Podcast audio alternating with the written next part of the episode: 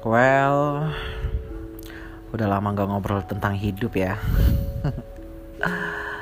uh, belakangan ini terkadang kita sering sekali menghadapi masalah hidup, masalah tidak bersyukur, masalah mengeluh.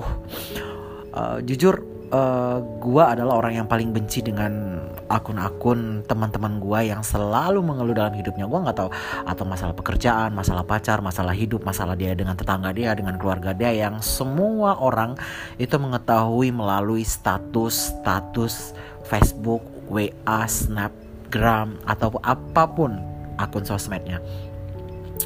Gue berpikir begini, ini orang kok mengeluhnya tiada henti gitu loh. Apa tidak malu dengan umur atau tidak malu dengan situasi keadaan? Bagi gue mengeluh itu ya wajar. Namanya manusiawi pastilah yang namanya siklus mengeluh itu pernah dialami. Dan gue juga pernah mengalami hal demikian gitu loh.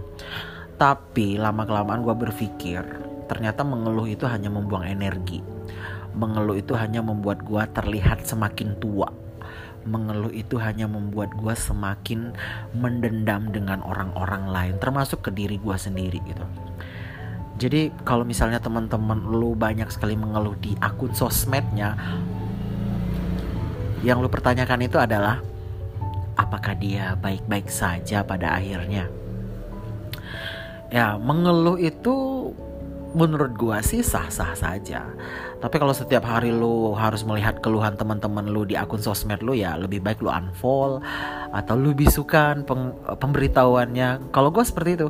Kalau misalnya gua bosan lihat teman-teman gua yang hobi mengeluh di akun sosmednya, tindakan terbaik gua adalah bisukan pemberitahuan mengenai status dia.